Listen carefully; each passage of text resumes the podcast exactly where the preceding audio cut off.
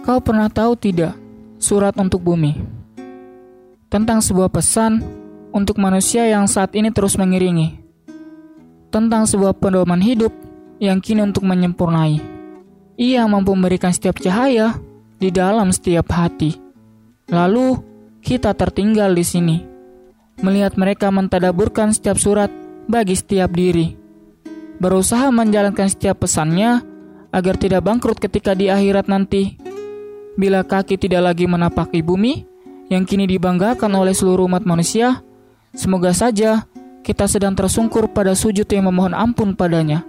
Seperti Rasulullah yang melaksanakan sholatnya di malam hari, hingga meninggalkan bengkak pada kedua kaki. Semua itu bermula sejak diturunkannya Al-Quran melalui malaikat Jibril kepada Rasulullah. Ya, hingga setelahnya Al-Quran terus turun secara berangsur-angsur dan memberikan banyak arti. Hal itu menyebabkan Rasulullah menyisikan hari-harinya untuk berdiam diri. Bahkan, ketika ia telah menerima wahyu darinya, Rasulullah bercerita kepada Hadijah hingga membuat dirinya berkeringat, menggigil, dan ketakutan atas kejadian yang baru saja diterimanya. Dan pada akhirnya, Rasulullah membawa misi untuk mensiarkan Islam ke seluruh penjuru bumi. Kini wahyunya telah menjadi pedoman hidup bagi seluruh umat manusia menembus hingga antar generasi dari memulai hari dengan membaca basmalah dan ditutup dengan hamdalah.